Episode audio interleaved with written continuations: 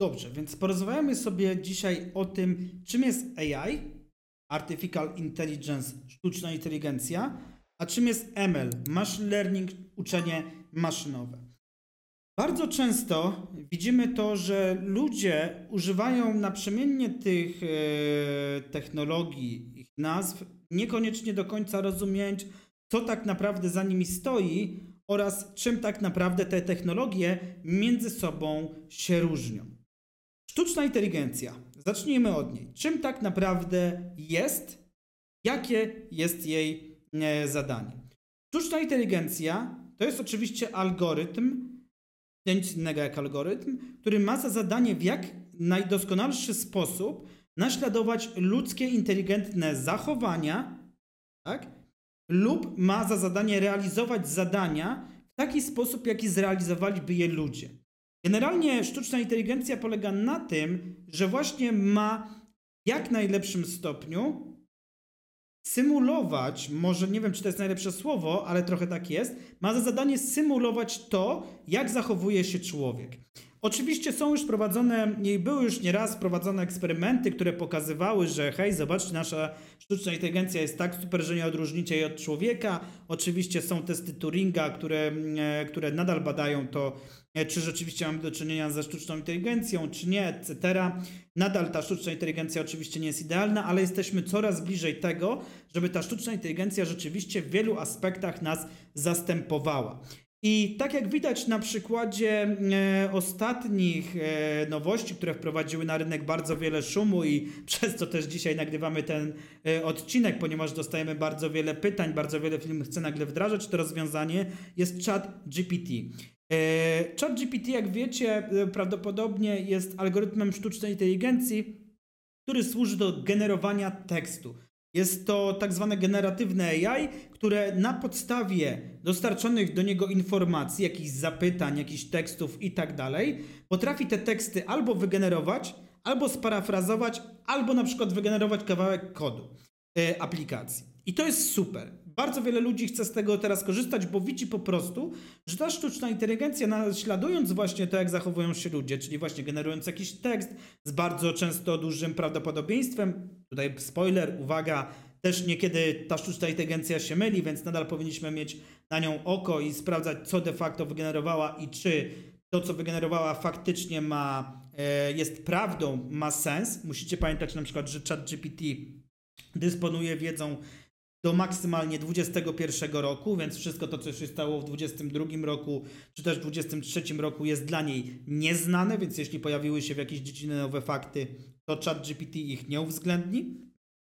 Natomiast widać, że te algorytmy sztucznej inteligencji zachowują się coraz lepiej, coraz lepiej nas, nas, naśladu, nas naśladują i w momencie, w którym na przykład właśnie przychodzi do generowania tekstu, mamy na przykład zadanie generowania, nie wiem, maili, yy, wpisów blogowych, etc., to w dużej części jest w stanie nas po prostu wyręczyć, czy nam po prostu pomóc, natchnąć nas do e, działania. Naśladuje po prostu w tym aspekcie człowieka. Natomiast czym jest machine learning? To uczenie maszynowe, które bardzo często jest z, ze sztuczną inteligencją mylone. Machine learning jest to również algorytm, tylko działający na troszkę innej zasadzie. Machine learning jest to samouczący się algorytm, który na podstawie dostarczanych do niego danych, czy to obrazków, czy tekstu, czy czegokolwiek innego, czy połączonych różnych źródeł, ma za zadanie nam generować predykcje. Co to tak naprawdę znaczy? Google na przykład dysponuje takim systemem, e, który jest w stanie rozpoznawać, co jest na obrazkach.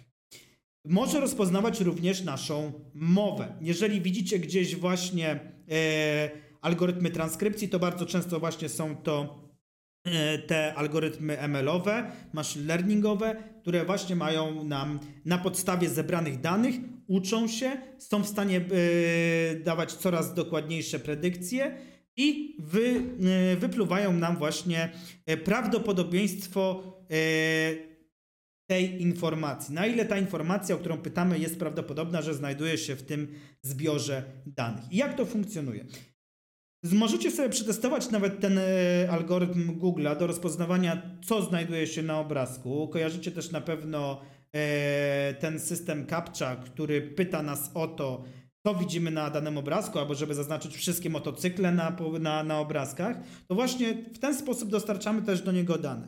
Jeżeli pokażemy takiemu algorytmowi obrazek, na którym znajduje się na przykład miś albo pies i zapytamy go o to, co się znajduje na obrazku, to ta sztuczna przepraszam, ja bym znowu tutaj niepoprawnie użył e, tych terminów naprzemiennie, to ten algorytm machine learningowy ma za zadanie nam powiedzieć, co on widzi na tym obrazku. I na podstawie tego, co widział na innych obrazkach, na co wskazywali również użytkownicy, czego został nauczony, on nam powie, hej, z tylu procentową pewnością mam przekonanie, że w tym miejscu na obrazku znajduje się pies, w tym miejscu znajduje się kot, a w tym miejscu znajduje się drzewo. I będziecie mieli to pokazane, będą takie kwadraciki, e, które będą pokazywały Wam e, właśnie prawdopodobieństwo wystąpienia, że to jest to, o co pytamy. E, I dzięki temu będą dostarczane nam coraz lepsze predykcje na właśnie podstawie tego algorytmu. Więc przechodząc tak troszkę płynnie do kolejnego tematu, który mieliśmy dzisiaj poruszyć, do czego de facto możemy sztuczną inteligencję wykorzystać i do czego możemy wykorzystać ML. Sztuczna inteligencja bardzo często jest wykorzystywana tam, gdzie wszędzie korzystamy z inteligentnych doradców. Na pewno kojarzycie e, Cortanę, Alexę, Siri, asystenta Google'a. To wszystko jest sztuczna inteligencja. Zadajemy pytanie, otwarte jakieś pytanie i sztuczna inteligencja analizuje ten tekst, co się w nim znajduje, co powiedzieliśmy i na podstawie tego wypluwa nam jakieś odpowiedzi. Jeżeli zapytamy na przykład Siri o kawał, to Siri nam opowie jakiś kawał, który ktoś zna lub jakkolwiek go rozumie. Jeżeli zapytamy e, asystenta Google'a o, e, o to, żeby nam polecił, gdzie powinniśmy w Warszawie iść e, na na przykład jakieś tajskie jedzenie, no to ona na podstawie zbioru danych i tego, co mówili inni użytkownicy, tego, co wie, zasugeruje nam, gdzie możemy iść. Tak? Również będzie w stanie nam zasugerować kilka e, innych rzeczy. Sztuczna inteligencja również jest wykorzystywana e, wszędzie tam, gdzie musimy naśladować w jakiś sposób właśnie te ludzkie zachowania, czyli na przykład właśnie generowanie jakichś treści, generowanie obrazów e, na podstawie dostarczonych informacji, to wszędzie tam wykorzystujemy sztuczną inteligencję. Oczywiście sztuczna inteligencja ma bardzo e, dużo szersze zastosowanie i myślę, że nie ma sensu, żebym dzisiaj tutaj o tym dokładnie opowiadał, bo po pierwsze nie jestem specjalistą od sztucznej inteligencji, a po drugie w internecie znajdziecie dużo fajnie opisanych przykładów na temat tego, jak możemy wykorzystywać sztuczną inteligencję. Czy to do mm, analizowania zbiorów danych, czy to do dostarczania różnych informacji, czy do sugerowania zachowań, e, sugerowania nam różnych rzeczy i tak dalej, i tak dalej. Do czego natomiast możemy wykorzystać machine learning, czyli to uczenie maszynowe? Oczywiście możemy je wykorzystać wszędzie tam, gdzie potrzebujemy mieć jakiś system predykcyjny, opierać się na systemie predykcyjnym. E, dobrym przykładem jest na przykład przeciwdziałanie spamowi w naszych skrzynkach odbiorczych. Na pewno niejednokrotnie, jeżeli korzystacie z Gmaila, czy z Outlooka, czy z innych systemów pocztowych, jeżeli otrzymujecie maile, to bardzo często widzicie tam takie etykietki na samej górze, że hej, Według mnie, według tej skrzynki odbiorczej jest to jakiś spam, rodzaj spamu. I skąd ta skrzynka odbiorcza to wie? No właśnie wie to stąd, że analizuje każdego maila, który do nas przychodzi, porównuje ze swoją wiedzą, z całym zbiorem danych, z tym, co użytkownicy raportowali w tych skrzynkach odbiorczych jako spam i na podstawie właśnie dostarczonych danych, których się nauczyła, to ten mail, który do nas przyszedł, wzorcem przypomina jej inne maile, które były oznaczone jako spam i ona ma całkiem duże prawdopodobieństwo, że to również jest spam. Oczywiście nie mówi, że na pewno jest, bo nigdy nie będzie miała stuprocentowej pewności, że to na pewno jest spam. Nigdy też nie może nam ze stuprocentową pewnością tego powiedzieć, no ale sugeruje nam, hej, całkiem duże prawdopodobieństwo, że to jest spam. Tak jak już powiedziałem wcześniej, pozwala nam również e, na przykład analizować to, co znajduje się na obrazach, to, co znajduje się w tekście. Jest całkiem, e, może nam dostarczać właśnie predykcje tego, co znajduje się w tekście. Może również nam na przykład rekomendować produkty. Na pewno znacie te systemy z różnych sklepów internetowych, gdzie kupujecie jakieś produkty i na sam koniec dostajecie informację, hej, użytkownicy, którzy kupili ten produkt, kupowali również takie. Użytkownicy podobni do ciebie kupowali takie produkty. Może będziesz zainteresowany którymś z nich.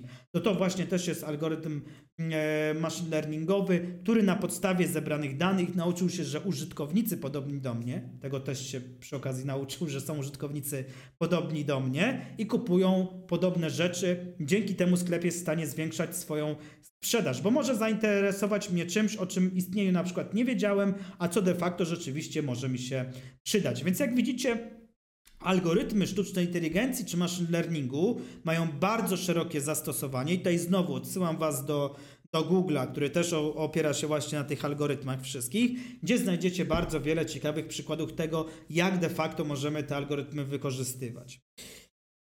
Dobrze. I na podstawie tego, co ostatnio się działo, jak bardzo głośno było chat GPT, czy o innych systemach, właśnie na przykład do generowania obrazów, jak piękne obrazy potrafi ta sztuczna inteligencja e, generować, to czy z AI i ML-a może korzystać każdy? Generalnie jak najbardziej tak. Każdy może z tego korzystać, nie każdy oczywiście potrafi. Coraz bardziej również jest nam to ułatwiane, co właśnie udowodniło m.in. ChatGPT, że w bardzo prosty sposób możemy e, wykorzystać z bardzo e, mocnej, bardzo dającej duże korzyści sztucznej inteligencji. Natomiast nie powinniśmy kierować się tylko tym przy wykorzystaniu sztucznej inteligencji czy ML-a, że ostatnio jest na to hype, że powstało jakieś głośne rozwiązanie i od razu chcieć to integrować swoich rozwiązaniach czy w czymś innym. Powinny za tym zawsze pójść oczywiście jakieś argumenty, dlaczego chcemy z czegoś korzystać, jaką da nam to realną wartość. Bo musicie zawsze myśleć o tym, że jeżeli coś jest modne, oczywiście nie znaczy to, że powinniśmy z tego korzystać. Ja bardzo oczywiście zachęcam, bo e, te rozwiązania niosą za sobą bardzo dużą wartość, ale wykorzystane jak zwykle w odpowiedni, przemyślany sposób. Wtedy będziemy mieli pewność, że to, co robimy, to, co realizujemy, niesie ze sobą jakąś wartość.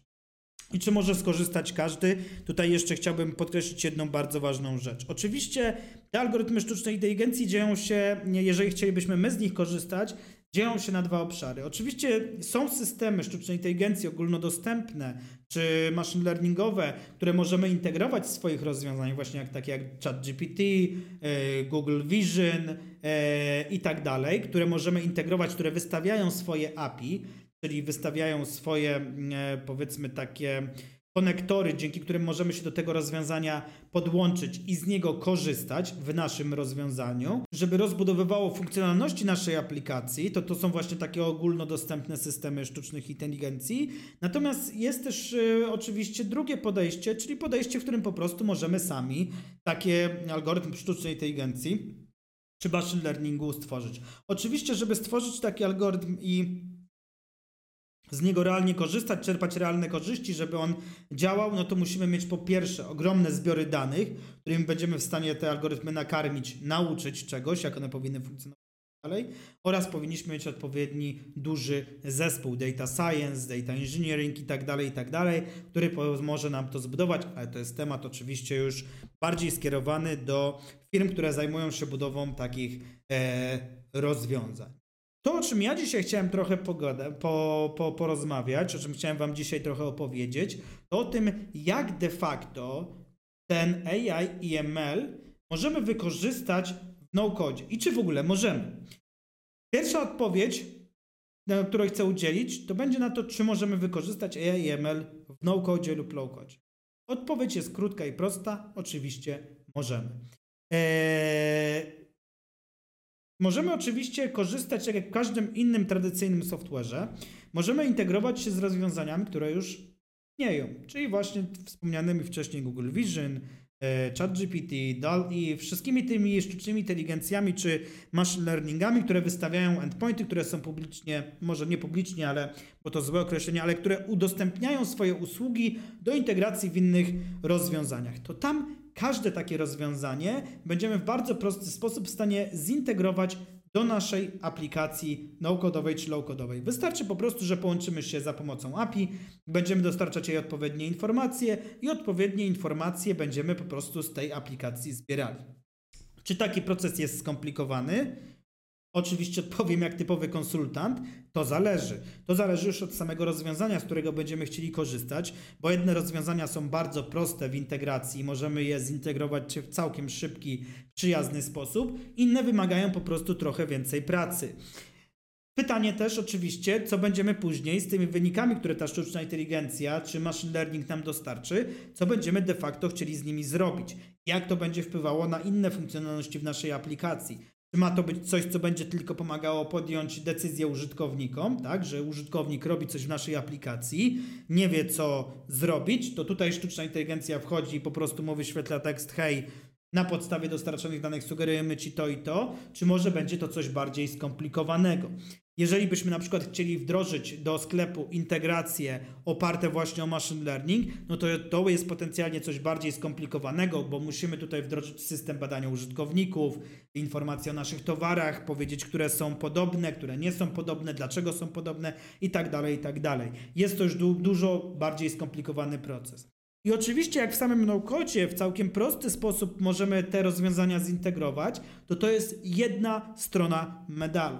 Drugą stroną medalu jest oczywiście to, co z jakich rozwiązań de facto będziemy korzystali. Tak jak powiedziałem, czy te rozwiązania będziemy musieli też skonfigurować, wytrenować na, was, na własną modłę, czy to będzie coś takiego jak Google Vision, czyli ten algorytm już jest nauczony rozpoznawania obrazów, a my po prostu na przykład chcemy z niego skorzystać do tego, żeby badać, czy użytkownicy nie wrzucają jakichś niestosownych materiałów na naszą stronę. Przypuśćmy, że tworzymy social media, tak? Chcemy zbudować jakąś platformę social mediową, no i chcielibyśmy się w jakikolwiek sposób zabezpieczyć przed tym, żeby użytkownicy nie wrzucali tam na przykład materiałów pornograficznych.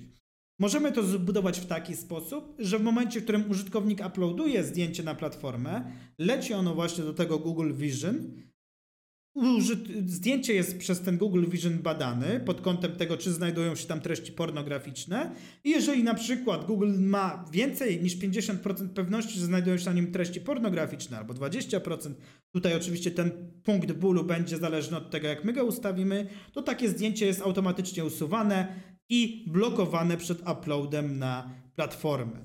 Więc Tutaj jak najbardziej możemy z takich rozwiązań korzystać i możemy je integrować. Co możemy zrobić? Tak naprawdę w podejściu no-codowym integracja z tymi platformami jest niczym nieograniczona, tak długo jak będziemy chcieli właśnie z nich korzystać, tak długo jak będzie to się opierało na przykład na API, czy na jakimś kawałku custom code'u. Tak jak Wam przed chwilą dałem przykład yy, zastosowania algorytmu machine learning do rozpoznawania zdjęć, to tak samo możemy wdrożyć każde inne rozwiązanie, z którym będziemy mogli się podłączyć. Więc czy to będzie rozpoznawanie obrazów, czy to będą rekomendacje, czy to będzie właśnie generowanie tekstu, czy to będzie generowanie obrazów, czy to będą jacyś asystenci, to tutaj nasze możliwości są niczym nieskrępowane, tak jak w przypadku tradycyjnego podejścia do tworzenia aplikacji. Podsumowując, wiemy z tego odcinka, czym jest sztuczna inteligencja, czym jest machine learning, jakie są różnice między tymi rozwiązaniami. Opowiedzieliśmy sobie o tym, do czego te rozwiązania najczęściej są wykorzystywane, do czego możemy je użyć i dowiedzieliśmy się, czy możemy je zaimplementować w naszym rozwiązaniu, które będzie oparte o no-code czy low-code. Jak najbardziej jest to możliwe, jest to do zrobienia. Oczywiście zawsze to zależy, co będziemy chcieli zbudować i czy będzie miało to realną wartość dla naszych użytkowników. Mam nadzieję, że dzisiejszy odcinek był dla Was ciekawy. Udało mi się Wam opowiedzieć trochę o tym, czym jest sztuczna inteligencja, jak funkcjonuje, do czego możemy ją wykorzystać i do usłyszenia w kolejnym odcinku podcastu Just No Code. Cześć!